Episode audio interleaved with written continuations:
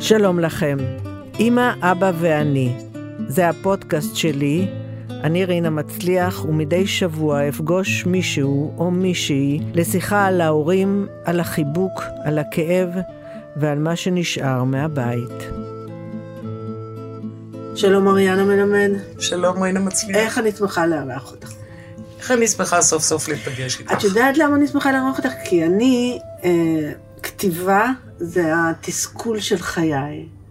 מה מתסכל בכתיבה? שאני לא מתחילה, שאני כל החיים שלי מאוד רציתי לכתוב, ואני תמיד אה, חושבת שאני לא כותבת מספיק טוב, אז כשאני פוגשת אנשים שכותבים לי טוב, אז, ושאני אוהבת איך שהם כותבים, אז אני... אז אני מייחסת לזה עוד יותר חשיבות אולי מבן אדם רגיל. אוקיי, אז בואי אה, ועכשיו נפרק את ששמתי-. עכשיו שמתי את התסכול בואי- שלי בואי על השולחן. נפרק את הרומנטיקה. אז אז זה בשיחה אחרת. לא, לא, לא, אני- עכשיו זה- קשור, זה קשור. תני לי רק דקה אחת. אוקיי. בואי נפרק את הרומנטיקה. כל חיי רציתי לכתוב, זו קטגוריה אונתולוגית לא קיימת. לא, רצית לכתוב, למה לא כתבת? תכתבי. כי כי הצנזור הפנימי שלך אומר לך, אני לא יודעת. אני לא מספיק טובה. לא, אפילו אני יכולה, אני יכולה גם אפילו לזקק את הסיבה. בואי, זקקי אני לה. מפחדת מהבנאליה. זה הפחד שלי, אוקיי. להיות בנאלית. זה הפחד הכי גדול שלי. אז בואי נחשוב מדוע. מפני שמדובר בואי, באישה... זה- רגע, רגע, רגע, רגע, אני- לא, לא, לא, אנחנו מדברים מקצועית, זה תכף נגיע. טיפול, אני אעשה טיפול, אני אשמח. לא, חס וחלילה. אין לי אני- בעיה. אני רוצה לדבר על טקסטים, כי כן. בזה אני מבינה. נכון. נפשות זה סיפור אחר. אמ, אני מלמדת כתיבה, וכתיבה היא נגרות, רינה. כתיבה היא מלאכה הגונה, שיש לעשות אותה כמו שרוכשים כל מלאכה, אוקיי? מתחילים באבני הבניין, פה הן בלתי כתובות. אף אחד לא מלמד אותך מה הכובד הנכון במספר מילים עד הפואנטה. אז איך תדעי? אף אחד לא מלמד אותך שאת בסך הכל יושבת על כתפי ענקים, ולכן את צריכה לקרוא את מירב הקלאסיקה ולגנוב משם. אף אחד לא מלמד אותך שהמציאות תמיד תהיה הרבה יותר מעניינת מכל מה שאפשר לכתוב עליה. זה היה מדהים. איך קראו להורים שלך? תלוי מתי ואיפה. איך, כשאת... לכל איש יש שם. כשאת הכרת אותם, איך קראו להם? כשאני הכרתי את ההורים שלי, אני, על פי העדויות, אין לי, תעודת לידה, משום שאנחנו עזבנו את רומניה כפליטים בכחש. בת כמה היית? בסוף של 1960 אני הייתי בת שנתיים ותשעה חודשים, ולצערי הרב אני זוכר את הכל.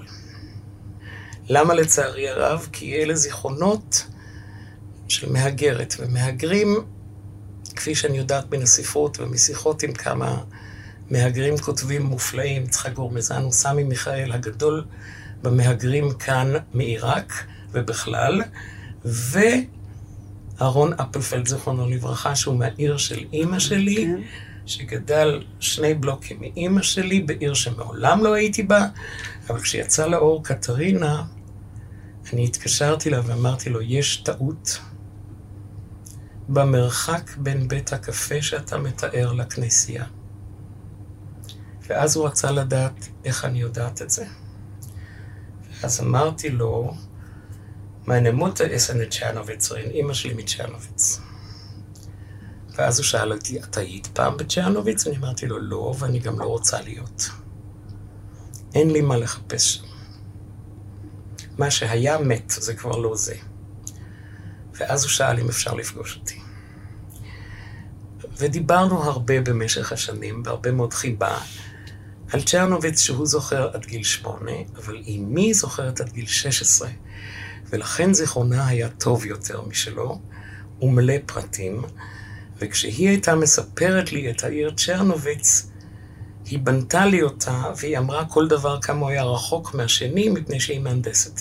Mm, הייתה. ולכן אני מכירה עיר שלא הייתי בה מעולם, עכשיו אני רוצה לנסוע, כי גם סבתי קבורה שם. תגידי, אז בכל זאת איך קוראים להם? שאלה טובה. אמי מבית קוראים באטריצ'ה אלברשט דה מדינה. דה מדינה? יפ. ולאבא שלך? לאבא שלי קוראים מבית גריגורי סמיונוביץ' מלמד, לא מלמד, מלמד. מלמד. עכשיו, זה לא השמות היחידים שלהם, כי על זה באים גם שמות עבריים, כי הם נולדו בקהילות חסידיות. ובכלל, כיהודים, כולם יש לו מוריס, מה זה?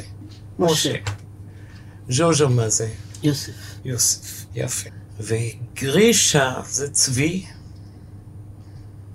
כי גרש ברוסית זה רוסיפיקציה של הירש בגרמנית וביידיש, שזה צבי. אז להביא למעשה, או תשאלי איפה ומתי, קראו בשמות שונים ומשונים. בעיקר אצל הנאצים ואצל הקומוניסטים ואצל הציונים. אותו דבר אימא שלי ואותו דבר אני, שעם עלותי ארצה אה, הייתה, היה איזשהו סיבוך עלותי. אנחנו הגענו הנה כפליטים, אבל נחזור אחורה. שמות של יהודים בגלות זה, כמו כל הזהות שלהם, זה משהו שהוא תמיד אה, רופף וארעי ולא ידוע. לכל איש יש שם, כותבת זלדה, היא בעצמה ידעה שלכל איש, איש יהודי יש שלושה שמות. כן? אז בארץ איך קראו להם? או. אני אתאר סצנה. 14, 14 ימים ולילות היטלטלו שלושה פליטים, איש בן 42, אישה בת 38 עם 20 דולר ומזוודה אחת וילדה בת כמעט שלוש, מארץ שבה היה להם באמת כל טוב, אבל הם לא יכלו לגדל שם את הילדה על פי השקפתם.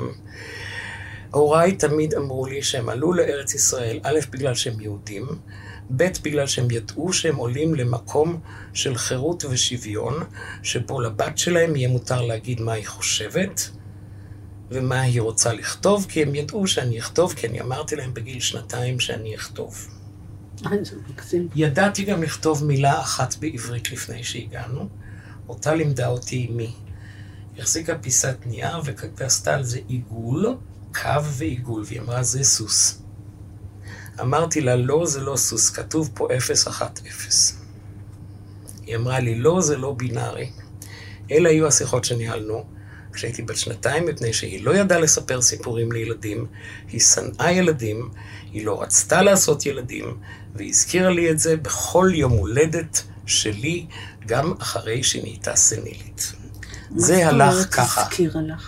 אני נולדתי ברומניה, שפת האם שלי היא גרמנית, זאת הייתה בחירה של אמי, באטריס, שעברה את השואה מאוד קשה תחת הנאצים בצ'רנוביץ, ואחרי זה במחנה ריכוז קטן.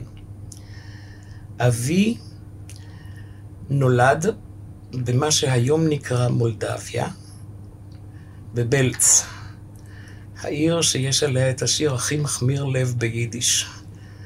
אוי בלץ מנשטייטה לבלץ.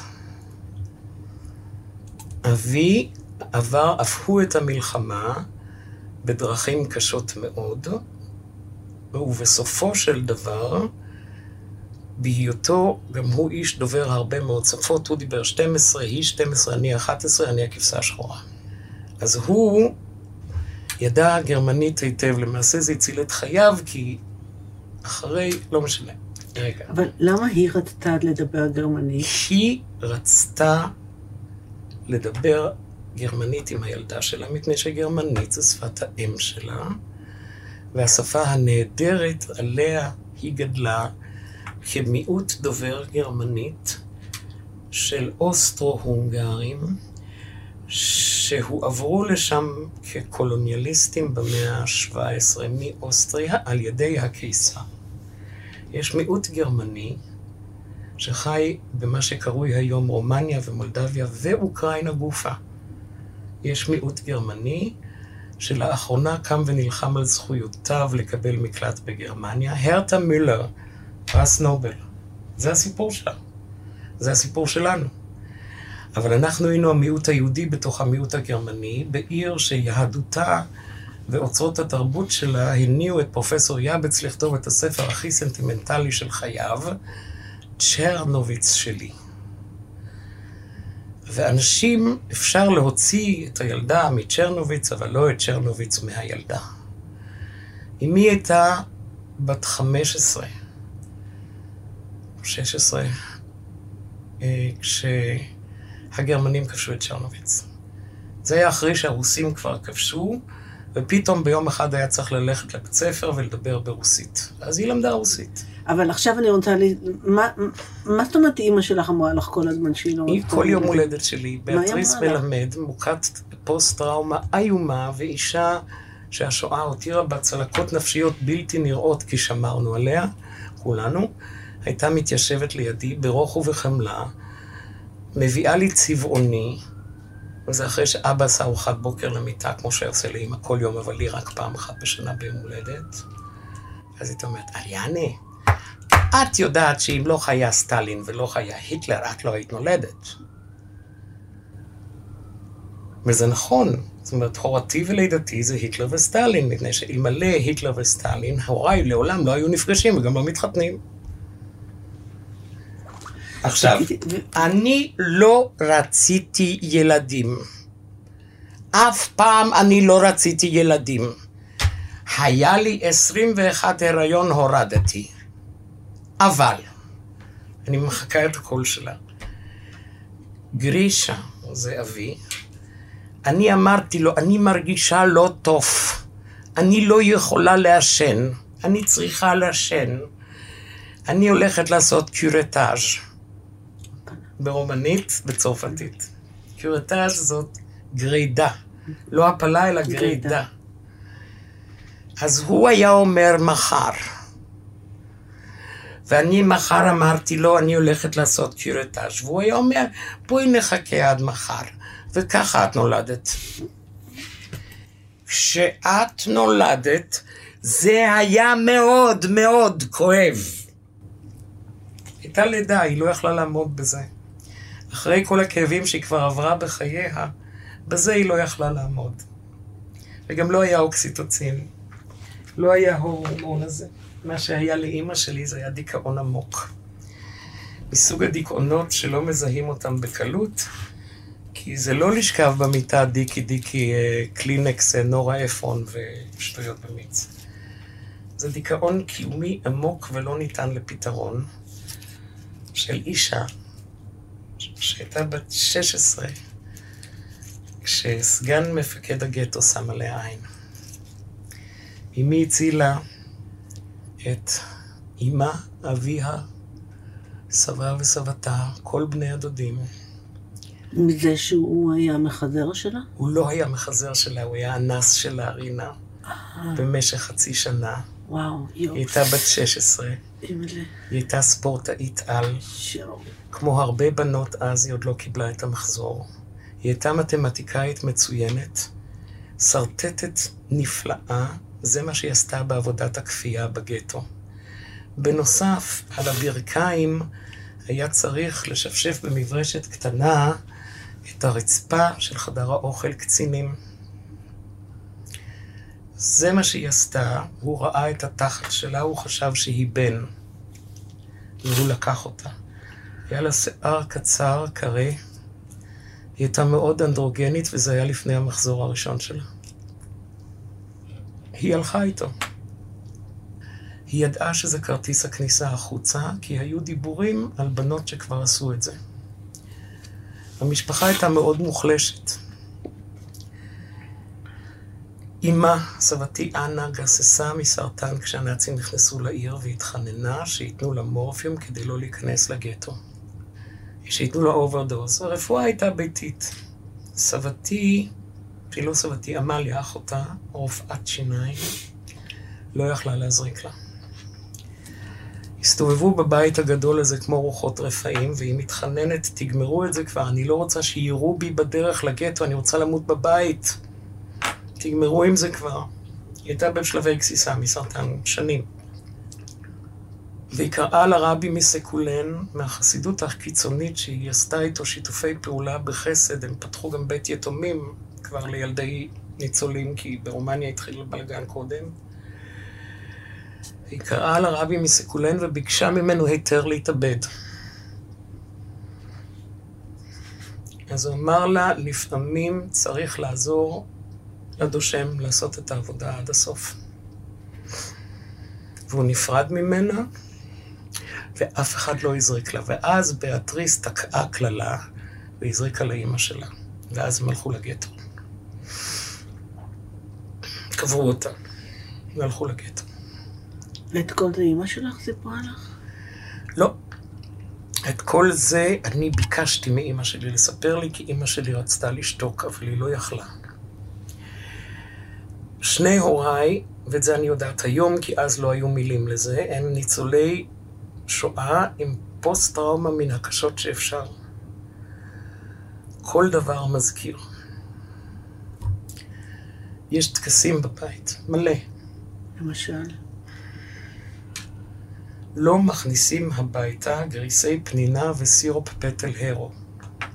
כי פעם בין זסטבנה, מחנה זסטבנה, לגטו בצ'רנוביץ, התחבאו חודש במרתף, וכל מה שהיה זה שק גריסי פנינה ובקבוק מגנום של סירופ פטל הרו, ומזה הם חיו חודש.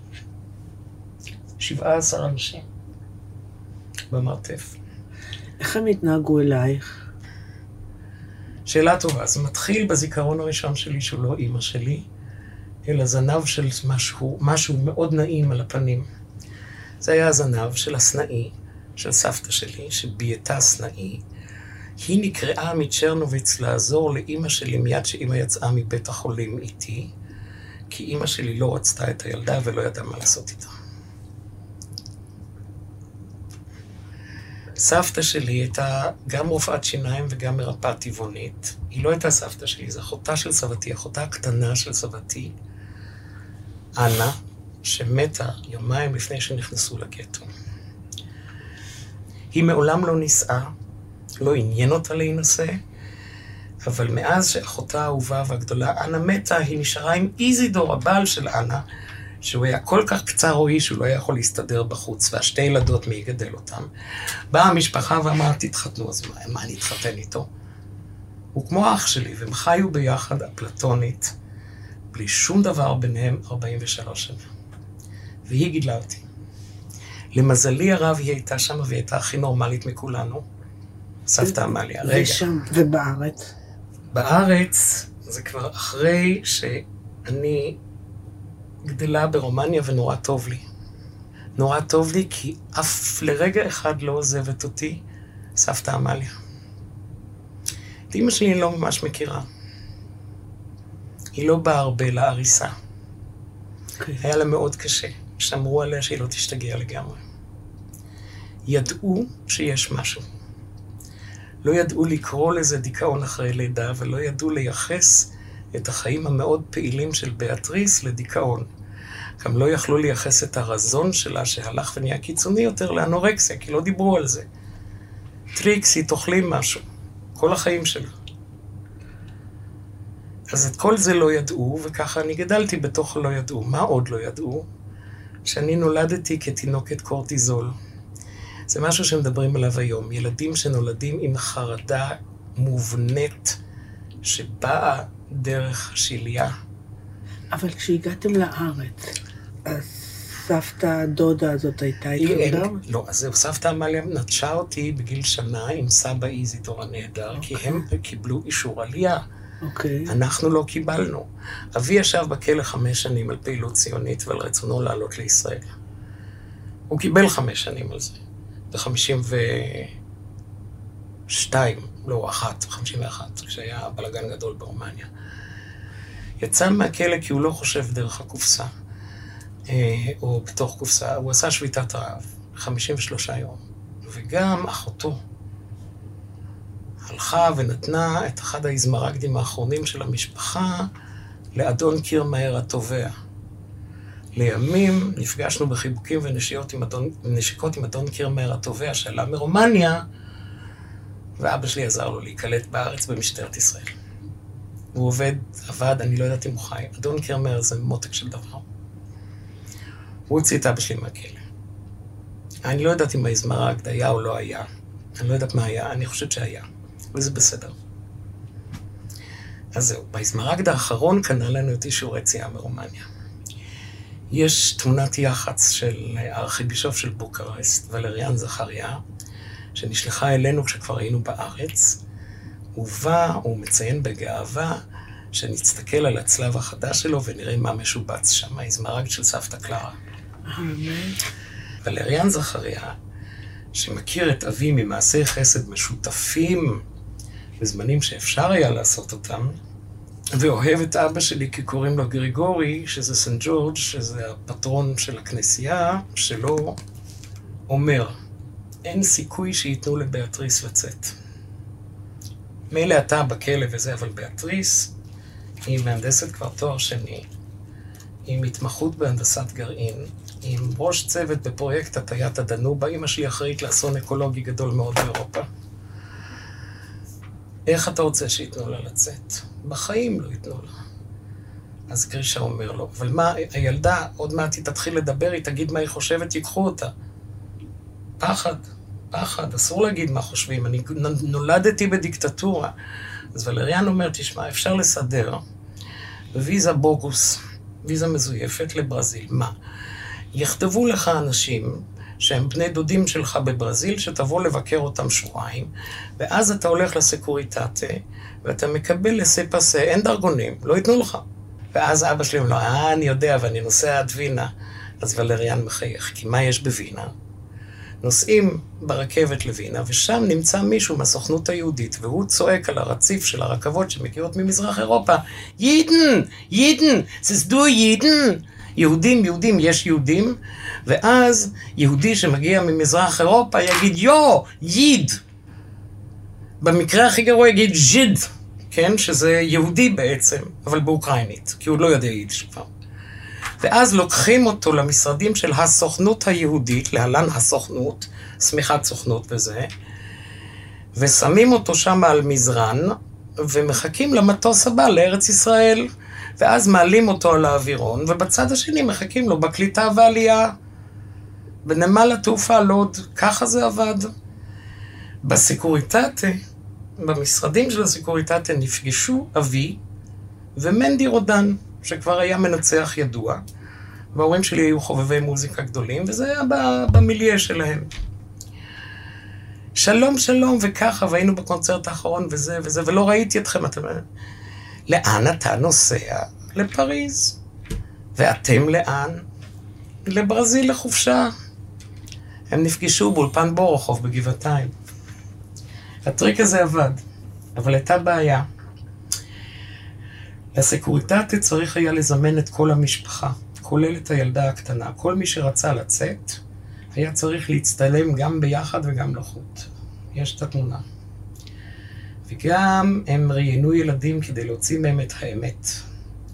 עכשיו, שני הוריי היו בעייתיים. אבי היה דיסידנט ובכלא, אמי סירבה להצטרף למפלגה. סירבה, אמא שלי לא אוהבת מפלגות. אני היום אומרת, אחרי שלראשונה בחיי התפקדתי לעבודה והרגשתי מה זה מלוכלכת, אני כבר לא יכולה להגיד, אני לא חברה בשום דבר חוץ מקופת חולים. וזה היה המוטו. אז הם הגיעו לווינה? הם הגיעו לווינה, חיכו עוד שמונה ימים. אחר כך היה אווירון. אבא שלי אמר, כתוב פה אל, אל. למה כתוב אל על אל? כי אבי ידע עברית רק מהחומש ורק עם ניקוד. אמי ידעה רק סוס. אבל דיברו איתי על זה בבית, והם חששו מאוד שכשאני אגיע לסקוריטטיה, אני אפתח את הפה שלי, המאוד רהוט, ואני אדבר ואני אגיד שבעצם אנחנו נוסעים לארץ ישראל. פחדו שהילדה תסגיר אותם. נורא פחדו. את תופסת, רינה? ואז אנחנו מגיעים לסקוריטטיה. הייתי ילדה מתוקה, יש תמונות, זה עבר לי, ברוך השם. בלונדינית, חייכנית, גומות, הכל מה שאת רוצה. אמא שלך גם הייתה יפה? לא. אמא שלי לא תפסה את עצמה כיפה. אמא שלי לא תפסה את עצמה כיפה. אף פעם. אני לא דומה לה בכלל. אבל הדבר הראשון שהיא אמרה, כפי שהיא סיפרה לי, כשהיא ראתה אותי סוף סוף אחרי שחבל הטבור והצוואר, ואני הדאגתי אותה מאוד מאוד בלידה הזאת, כשהיא ראתה אותי, אמרה, ויש על זה עדים, דוקטור מדשנו המיילד היה בן דוד שלה, היא אמרה, מדי, תראה איזה יופי, אין לה אף יהודי. וואו. לאמי היה אף, שהיא אומרת, ברברה סטרייסנד קטן עליי. היו מלא בדיחות אף, היא מעולם לא ניתחה אותו. האף הזה הסגיר אותה עם הניירות האריים המזויפים, שאלת איך קראו להם.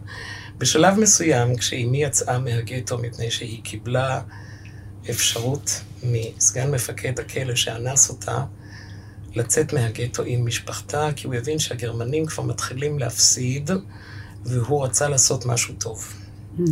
הוא אמר, תזכרי אותי אחרי המלחמה? היא אמרה לו, אבא דוח סישה, אבל בוודאי. ואז הוא אמר לה, היא אומרת, הוא אמר, לימים היא סיפרה לי את זה, הוא אמר לי את הדבר הכי גרוע בעולם, הוא אמר לי, אני אוהב אותך. ואני החלטתי שהוא צריך למות. אמרתי לו, נכון, אמא. איך זה נודע לי? בת כמה היית כשהיא סיפרה לך? היא לא סיפרה לי, אני ניחשתי את זה. תשמעי, יש בעיה איתי. אני...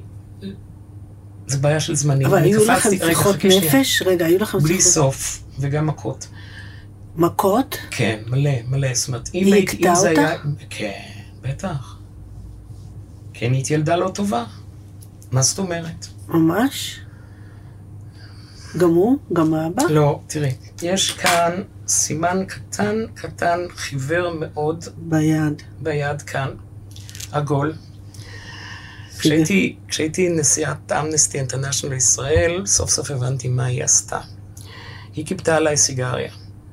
זה 700 מעלות חום. הרבה שנים הייתה הצלקת הזאת, היא עכשיו חיוורת, אבל בגיל שלוש. בדיוק. שבועיים אחרי שעלינו, לא, שלושה שבועות אחרי שעלינו ארצה, אני זוכרת את זה כמו היום. כיפתה עלייך סיגריה? היא כיבתה עליי סיגריה. היא לא הייתה סדיסטית, היא הייתה אישה מאוד חולה. ואת אהבת לכאורה- אותה? איך אפשר לא לאהוב את אימא? איך אפשר לא לייחל? אבל היא לא הייתה שם. וכשהיא הייתה שם, היא אבל אמרה היא לי, גם היא היא אמרה לי גם חיבקה משפטים ונשקה או לא? מלא. גם וגם. אוקיי, היא גם אמרה לי משפטים, מה שנותר בזיכרון זה את לא, את לא, את לא, את לא, את לא, כאילו רצתה לעיין אותי באלף לגמרי. איך הסתדרת בבית? עם אימא שגם מכה, גם מחבקת. המילה גם- בית היא טעונה בשבילי, כי בית שאמור להיות המקום הבטוח והמופלא, המקום שכל ילד רוצה הביתה, אני לא רציתי הביתה. אני רציתי להישאר בגן, אחרי שאני קיבלתי את מרות הגן, זה היה מאוד קשה. אימא שיקרה לי. כל בוקר בגן הייתי נתלית על הברזלים, אל תלכי, אל תלכי. ובאמת איזה יומיים היא לא הלכה, ואחרי זה נמאס לה מזה. היא אמרה, אני רק הולכת לקנות סיגריות. והיא לא חזרה עד היום. לא יפה, היא שיקרה לי. תראי, יחס לילדים הזה היה מאוד שונה.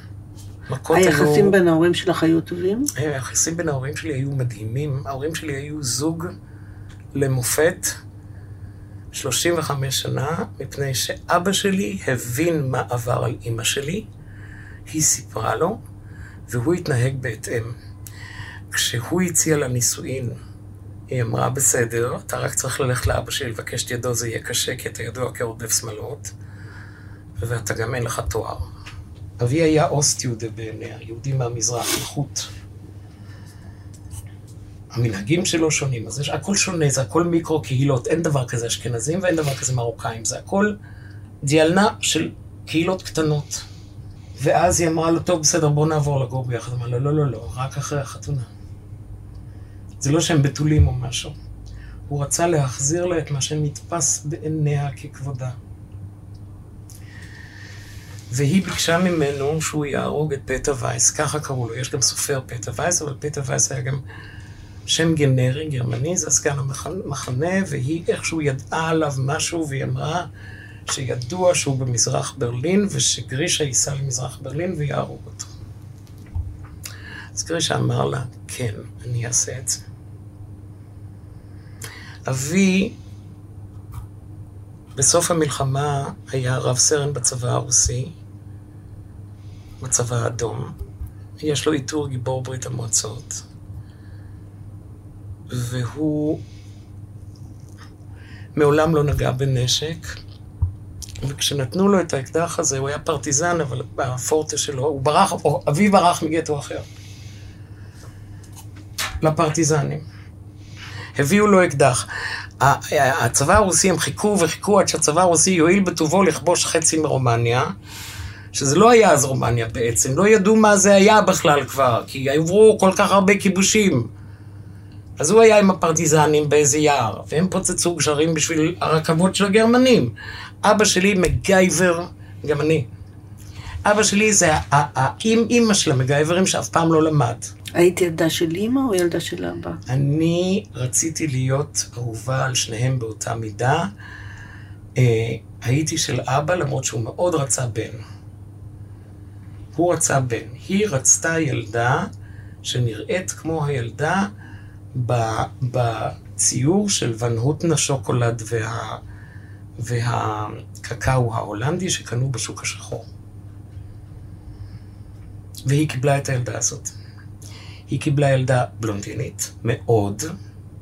ויפה מאוד. מאוד. כי תינוקת כן, כי ילדה כן. אבל את אף פעם לא היית יפה, ויש לך שתי ידיים שמאליות. את לא יכולה כבר עם הרעש הזה, אני לא יכולה לסבול את הרעש הזה, זה מוזיקה. כל מוזיקה שהיא. את לא שרה טוב, בדיוק כמוני. את לא יודעת לשיר. לא שמעתי ממנה שירי ערש. מה שהיא עשתה, אני לא ישנתי. אני נולדתי ילדה שלא ישנה, נקודה. עד ארבע בבוקר לא ישנה. העולם היה מעניין מדי, רינה, מה יש לישון? בגיל חמישה חודשים התחלתי לדבר, וזה נחשב חריג.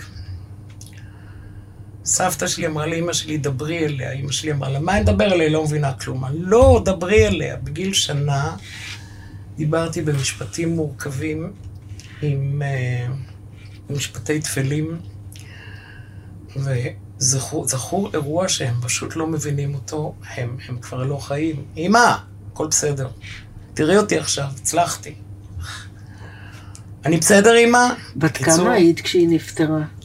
היא נפטרה לפני שנתיים, אחרי 15 שנות אלצהיימר. וואו. זה טרי. רק לפני שנתיים? 15 שנות אלצהיימר. אחרי חמש שנים היא כבר לא זיהתה אותי, וזה היה היום הראשון של שחרור שהיה לי בחיים. וואי, וואי. אני כל כך שמחתי. את יודעת מה היא אמרה לי? שהיא לא זיהתה אותך? בטח. את יודעת, אריאנה, שאני... איזה שמחה זו? כל... כל כך פחדתי להגיע ליום הזה, שאימא שלי לא תזהה אותי, ואני מודה לאלוהים ש... שעד, ש... מה זה, עד הרגעים האחרונים היא עוד ליטפה לי את הפנים, ו... ואמרה לי, מפיס אל עפה. אבל זה אבא שלי. מון פר אתל מר. אבא שלך היה אימא. אבל רגע, וטיפלת בה, אני מתארת לעצמי. אוקיי, לא. טיפלתי בה כל חייה, וטיפלתי בה ככל שיכולתי עד שנתיים לפני מותה. אני אסביר. אבל את הילדים היא הכירה? את הילדים שלך? לא רק שהיא הכירה, היא הייתה הסבתא הכי נהדרת בעולם. וואו. היא הייתה בתחילת אלצהיימר, אבל היה עדיין, כל השפות היו לה. והדבר הנפלא הוא שהיא ידעה רוסית. והיא חושבת מחוץ לקופסה. והיא הייתה אישה נורא נורא חכמה. אני לא הבנתי מה קורה לילדים. אחרי שבועיים היא באה אליי ואמרה, אריאנה, אני יודעת. יש לה פה שני ניצולי שואה קטנים. יש להם פוסט-טראומה. הם חולים בראש, כמו כולנו. ככה היא אמרה. כן. והיא צדקה. אז למה הרגשת שחרור שהיא לא זיהתה אותך? אמא שלי לא ראתה אותי, היא ראתה משהו שהוא היה האידיאל שלה, ואני לא התאמתי. עשיתי כמיטב יכולתי, אבל האידיאל שלה היה שתגדל לה ילדה דוברת גרמנית בלבד, שהולכת עם תחתוניות מאומלנות, ועם נעלי לק בחולות. גם אחרי שנים בארץ? אחרי שנים זה... בארץ. ההכחשה שלהם, של השבר הגדול, כי הרי היינו יכולים להיות בברזיל, וכל זה לא היה קורה. כל זה זה השפלות שהם חטפו פה. היא כאישה ומהנדסת, ששואלים אותה בראיון עבודה, ומה תעשי כשיהיה לך וסת, והיא לא מכירה את המילה, והוא, כפר עליו, שאין לו תארים והכול, אבל הוא צריך כבר לפרנס, כי נגמר הימים של האולפן, ואנחנו כולנו חיים בחדר אחד מקצבת הזקנה של סבא וסבתא, ואין לנו גרוש על התחת, והשארנו הכל שמה. וצריך לפרנס. לא בחל, עבד, עבד במה? בארץ, דבר ראשון, במכרעה של המעברה. ושמח שהוא יכול. אבל אחרי זה רוצים להתיישב, קיבלנו דירה סוכנות באשדוד אחרי חצי שנה במעברה, כן? רוצים להתיישב, אין לו עבודה. אנחנו הולך- גרנו שבע שנים במעבר. מה? שבע שנים. לא, הגענו מאוחר, רינה. בת כמה את מותר? אה, לא, סליחה. ברור, אני בת 65, אמרתי לך, אני גדולה. את אני לא רוצה. להגיד, יש לכם הולדת היום. נכון, אני בת שיש... When I'm 64 זה קורה היום, כן, ומעולם, נכון, נשבעת לך, מעולם בשלושים השנים האחרונות לא היה לי כל כך הרבה אנרגיה כמו עכשיו. ואני נכה מאה איזה אחוז. כיף. לא שייך. עכשיו, רגע. רגע, רק שאלה אחת, את לא. מתגעגעת אליה לפעמים? אוקיי, היא ואני, מה שנקרא, עברנו תהליך. כל החיים עוברים תהליך עם האמא שלנו, אבל כשמה שאת מקבלת מאימא הוא אהבה ברצף.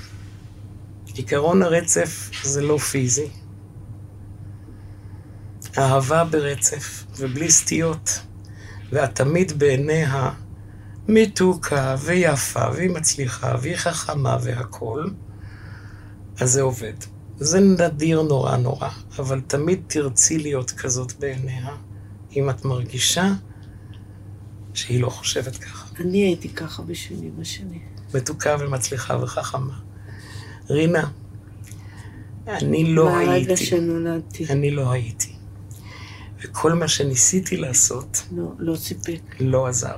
אבא שלך אה, נפטר הרבה לפניה? אבי מת מהתקף לב בזמן ועידת מדריד. במפתיע. התקף לב ראשון, מסיבי, חמישה התקפי לב ביום אחד, שבועיים לפני מותו. הוא יצא מזה. הוא היה ביום הראשון של ההחלמה שלו במלון שלום. אני גרתי בירושלים אז. היו לי תקופות של ירושלים, כי היו לי, היו לי פלירטים ארוכים עם העיר המשונה הזאת. לא עוד, גמרנו. לא טוב לי ירושלים. אה, אולי. והוא נלקח למלון שלום להחלמה. בבוקר באתי אליו בירושלים עם פיג'מה שכתוב עליה Don't worry be happy. טרנינג, לעשות אותו צעיר, הוא נראה נורא, הוא נראה נורא, הוא היה בן 70 והוא נראה בן 9,000. והוא היה מוכה וחבול, אבל אופטימי מאוד. והוא אמר, תבואי כל יום, את עושה לי טוב. מעדלה. אלה היו המילים האחרונות שלו ששמעתי. חזרתי לירושלים לעבוד, והייתי אמורה לנסוע בעשר בערב לעשות משמרת לילה, עוד פעם, כי רק אימא ואני, משפחה מאוד קטנה, כולם מתו קודם. ואז היא התקשרה אליי ואמרה לי להגיע, כי אבא לא מרגיש טוב. ביקשתי מונית עם סלולרי, זה 91, היו של- שלוש מוניות בירושלים עם סלולרי כבד כזה, ונסעתי וכל הדרך דיברתי עם אימא שלי והבנתי שהוא, לא, זה, הוא לא יצא מזה. היא סיפרה לי איך עושים לו ככה וככה, ועושים לו ככה וככה, והחייאה וככה וככה. וכשהגעתי ראיתי את הפנים שלה, ואמרתי לה, אבא איננו, אז היא אמרה לי, כן, אמרתי לה, מתי? אז היא אומרת לי, כשנכנס למונית, אבל רציתי שבדרך עוד יהיה לך אבא, שלא תהיי לבד. בלוויה שלו, כפי שהוא ביקש, אמרתי קדיש, כי אין לו קדיש, אין לו קדיש קטן, אין לו בן. ותמיד הוא אמר לי, את יודעת לכתוב. הוא האמין בי. אני רוצה שתגידי איזה דבר יפה בלוויה שלי. אז בתקופה שאבא שלך מת, גם ה... גם... אמא, בתקופה שאבא שלי מת, נשאר עסק משפחתי לנהל של וילונות, שלשם הם הוסללו שני הוריי אחרי שהם לא מצאו את מקומם בשוק העבודה הישראלי כמו שצריך, מפני שהם באו בלי תעודות, מפני שהם היו מאוד מבוגרים. אבי רצה קיבוץ, לא קיבלו אותו כי הוא בן 42. אמי רצתה להיות מהנדסת, והיא הלכה להתקבל בחברת חשמל, לא קיבלו אותה כאישה, הכי העליבו אותה במכון ויצמן. שאמרו לה, במקרה הטוב את שרטטת, אבל גם אין לך תעודה לזה. אז היא אמרה, בואו אני אראה לכם. ולא נתנו לה לשרטט. אבל בסוף אין דבר כזה מהנדסת מכונות אישה. ולא היה. בארץ אז. תגידי, ובשנים האחרונות היא הייתה מושפעת? בשנים האחרונות, 15 השנים האחרונות לחייה, אחרי שבגיל 80 היא חטפה סרטן המעי, עברה ניתוח חירום בדיוק ביום שבו עשינו את המסיבה לכבוד הבאת ילדיי. אני בבית עם שני ילדים היפראקטיביים, ששום דבר לא הולך איתם כמו שכתוב בשום ספר. עם בן זוג שהתנדב להיות אבא שלהם, אבל הוא כבר לא הבן זוג שלי מזה שנים. ואנחנו הולכים לחיות עכשיו 16 שנה עם הילדים באותו בית ולשמש להם כמשפחה, וזה הפך להיות מרכז החיים שלנו. הפונקציונליות של משפחה מתפקדת עבור שני ילדים מאוד חולים. פונקט בזמן הזה בדיוק בול, באטריס, מוקד של תשומת לב כל חייה, ושותה את האנרגיות של כולם, כי היא סבלה הרבה. פונקט אז, היא חוטפת לי, מיד אחרי המסיבה היא חוטפת לי, סרטן המעי, מקיאה, אני רואה, אני חובשת גם, לא משנה, אני רואה שהבטן קשה והכל לא בסדר, אני לא מבינה כלום. אני קוראת לדוקטור יאסין ממרר, שהוא הרופא המטפל שלה, כי הוא מדבר רומנית. הוא בא, הוא יושב שלוש שעות איתה כמו שצריך, והוא אומר לה, אני חושב שלא תפסנו אותו באולטרסאונד ולא תפסנו אותו ב-MRI, כי הפסקנו באמצע בגלל הכאבים. ולא בקולונוסקופיה שלא רציתי לעשות לה בגלל הכבוד שלה. אישה בת 80 עיוורת, עם תחילת אלצהיימר, כשכבר אני שמה עליה שומרים, כי היא יצאה בקיבוץ, התפשטה ערומה, יצאה אמצע הלילה. עברנו לגור בקיבוץ פרעות. השנים האחרונות שלה עוברות עליה בנעימים במקום שנקרא יוקרה יבנאל. אימא שלי הייתה נתינה של חברת כלל ביטוח. אוקיי. שעל זה נדבר בהזדמנות. והיית הולכת לפעמים אליה, או שכבר ויתרת כי היא לא זיהתה? ויתרתי, לא ויתרתי. לא, זה שהיא לא זיהתה זה בסדר גמור, מה אכפת לי? תשמעי, היא שמרה על נימוסים. היא הייתה יכולה לנהל שיחת חולין נימוסית על כלום עם אנשים שהיא לא הכירה, אבל בשביל לא לבייש אותם, היא לא תגיד אוקיי. שהיא לא הכירה, אבל היא לא ידעה שזה יצא. אז הייתן משוחחות כמו שתי זרות? אני הייתי באה עם הילדים שלי, שהיא זיהתה כהנכדים שלה. אוקיי. גם אחרי שהיא לא זיהתה את השמות יותר. אותם היא זיהתה הרבה אחריי. הילדים שלי נחשפו להכל, כולל לסבתא מטורללת, עיוורת, שלא יודעת בדיוק מי הם, אבל היא בן אדם. והיא אוהבת אותם נורא, וכל זמן שהיא יכלה, היא עזרה מאוד מאוד לטפל בהם, והיא סבתא נהדרת. ובאמת היא הייתה סבתא נהדרת, הייתה אימא איומה וסבתא נהדרת, אבל פשוט נהדרת. נהדרת. יש הרבה כאלה, את יודעת. Mm. אין את האחריות ואין את הפחד והחרדה, הלכה לה יחד עם האלצהיימר. אימא שלי נהייתה אישה שמחה. אימא שלי, האלצהיימר זה הדבר הכי טוב שקרה לה בחיים הארוכים והשסועים והמעונים והנפלאים והמקסימים שלה. ואיך נפרדת ממנה? לא נפרדתי. בפעם האחרונה שהייתי אצל אימא שלי, היא עברה, היא שברה את האף. זה קורה בבית אבות נפלא ויוקרתי. אני יודעת מה קורה בבתי האבות האלה. בבית האבות שלה היה קצת יותר טוב. אה, מאוד קשה לי היה להיות שם, אז תמיד הוצאנו אותה מהמחלקה לטיול, ושני ילדיי החזיקו אותה אחד בכל יד, ולאט לאט סבתא, ותיזהרי סבתא. וסבתא הזאת היה לה כוח פיזי יותר מאשר לשניהם, גם יחד התחילה לרוץ. היא הייתה אצנית נהדרת כל חייה. כל חייה היא ברחה ממשהו, אוקיי? אז עכשיו, אני פיזית הייתי הרבה פחות, במצב הרבה פחות טוב משלה. אבל כן הקפדנו להיות אצלה. הביקורים האלה לא היו, לא עזרו לה הרבה ולא עזרו לי הרבה. כשמצבי הפיזי הידרדר מאוד, אני חשבתי על הפונקציונליות של הביקורים האלה, והחלטתי שאף אחד לא צריך אותם. כשנפרדתי מאבי כבר היה לו אלצהיימר ושמחתי, שמחתי בשבילו ובשבילי, שזה נגמר בהתקף לב לפני שהוא איבד את צלמו בעיני הזולת. אמי משכה 15 שנות אלצהיימר, משלה גנים טובים, מתה בגיל 95. לא הייתי שם כשהיא מתה ואפילו לא ידעתי מזה. כמה זמן לא ראית אותה לפני? שנתיים. בהחלטה שלי שאני לא יכולה יותר, פיזית, כלכלית, הכל במוניות. היא ביבנאל, אני כבר ברחובות, אני לא יכולה להזיז אותה מיבנאל בשום אופן, מפני שתתאבד את האחיזה האחרונה שלה במציאות. אבל אני לא יכולה להיות שם. אני לא רוצה לראות את הדעיכה האיומה של האישה הסופר אינטליגנטית, המצחיקה, החכמה, החולה, הנהדרת הזאת. וגם הילדים לא? הילדים גם לא, מפני שהיא כבר לא הייתה במצב שילדים יכולים לראות. היא לא דיברה, היא נהמה, היא הייתה במצב חייתי. וואו. פעם אחרונה שראיתי אותה, ולא הודיעו לך לי, שהיא בנות- נפטרה? לא הודיעו לי, כי נחלפתי טלפון בנסיבות מיידיות ועוד לא חשבתי. בדיוק יום לפני זה החלפתי טלפון. לא ידעו איך להגיע אליי. כאילו. היה כתוב שם, תעשו לא היית גוגל. בהלוויה שלה? בוודאי שהייתי, מי עשה אותה? אה, זז. אז זהו, אז הודיעו לי יום אחרי. היא שכבה במקרר יום. אה, אוקיי.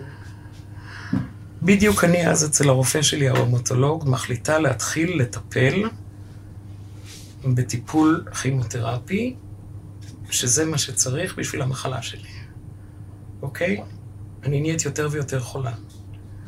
בדיוק אז, סוף סוף היה תור לרופא, את יודעת, תורים. חמישה חודשים חיכיתי.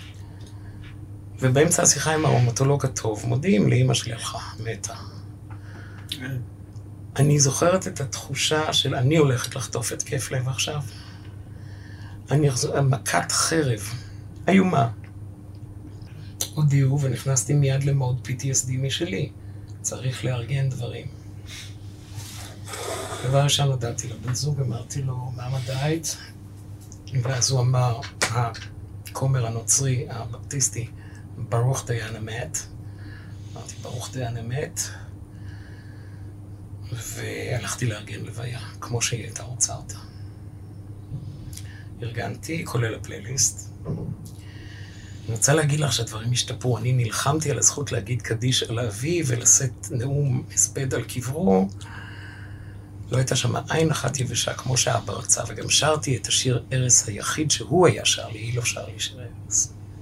מעניין אותי עד כמה החיים שלך, או במה החיים שלך היום, הם תוצאה של ההורים שגדלת איתם. השאלה הגדולה של גנטיקה מול סביבה ופסיכולוגיה לא תיפתר כאן.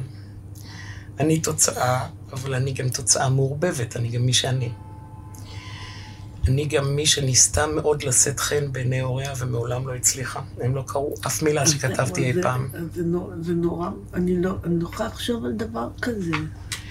אבל רינה, אנחנו ילדי דור שני, זה הדבר הכי הכי... כאילו, אני חושבת, כל הקיום שלי זה העובדה שהייתי כל כך אהובה על ידי אה, ההורים שלי, וכל כך, אז כאילו, קשה לי לחשוב אני איך אפשר אומרת לדבר לך אחרת. שהיום ההב- אני רואה הבדל בין אנשים בציבוריות, שאני יודעת משהו על הביוגרפיה שלהם, וגדלו טוב, לבין כאלה שגדלו חרא. מעניין אותי עד כמה ההורים שלך צועדים איתך בדרך. עכשיו כן, בסיפור שאני מספרת לעצמי עכשיו, העניין הוא, תראי, אני חייבת לדבר על אהבת חיי, כי זה קשור. אוקיי? זה קשור גם לאימא שלי. לאמי היה כבוד לאהבה של ילדים, אבל חוסר נאותות טוטאלית ברגע שעמדתי על דעתי והתבגרתי מינית. היא פחדה מכל מי שבא. יום אחד בא מוטי, ומוטי היה שני מטר, בלונדיני עם עיניים כחולות ובמדי צה"ל, ואימא שלי נכנסה להתקף חרדה. אני הבנתי מיד, אמרתי, מוטי, אתה נראה יותר מדי נאצי, רד למטה. וואו. כשהייתי בת 15 הבנתי, מתוך היחס האמביוולנטי שלה למין ומיניות, מצד אחד היא דיברה איתי כל כך פתוח, שאין דברים כאלה גסויות, אבא מעולם לא אמר לי מילה גסה. מצד שני, כל בחור שבא היא על, על קוצים, היא לא יכולה, היא לא יכולה לסבול את זה שהבת שלה אולי mm. משהו. אז אמרתי לה, יום אחד הנחתי יד על כתפה ואמרתי לה, אמא ורמוט. היינו שותות ביחד ורמוט. גיל 15, כן, זה בסדר, אז היה בסדר. אמא ורמוט, אמא, תשמעי, אני מרגישה שהחוויה המינית הראשונה שלך לא הייתה טובה, ואני חושבת שזה היה במלחמה. דברי. ואז היא דיברה? הכל. מאז היא לא, היא לא סתמה את הפה. על זה. על כל היתר היא דיברה. על זה לא. ואז אני הבנתי משהו. הבנתי שאימא שלי היא לא קורבן. ידעת. לא ידעתי את זה קודם. ידעתי שהיה גטו, וזה הדברים הרעילים, את יודעת. אין זה, אין ההוא, ההוא מת, ההוא נרצח, ההוא שמה, לא יודעים. דברים רגילים, אבל זה לא דבר רגיל. נכון. אימא שלי הציגה את זה. כשאני אמרתי, שאלתי את השאלה, היא אמרה, אני הייתי זונה של קצין נאצי. אמרתי לה, לא אימא, את לא היית. אנסו אותך. זה היה אחרי שאני כבר עברתי אונס, והיא לא ידעה. היא ניסתה לשמור עליי בדרכה, לא, אבל לא הייתה לה דרך. כן. והמשפחה שלה אף פעם לא אמרה לה תודה. לא דיברו על זה, לא יכלו לדבר על זה. זה הרג אותה. היחסים האמביוולנטיים עם המשפחה שהיא עשתה בשבילם הכל, ושנאה אותם. על זה. אלה דברים, רינה, שלדורות נשארים. לימים אנחנו יודעות שפגיעה מינית בנשים זה לכל החיים. נכון. זה המתנה שלא מפסיקה לתת, אבל צריך לעשות לזה סוף. עשיתי. מצאתי את האהבה שריפאה אותי. בסוף זה רק זה.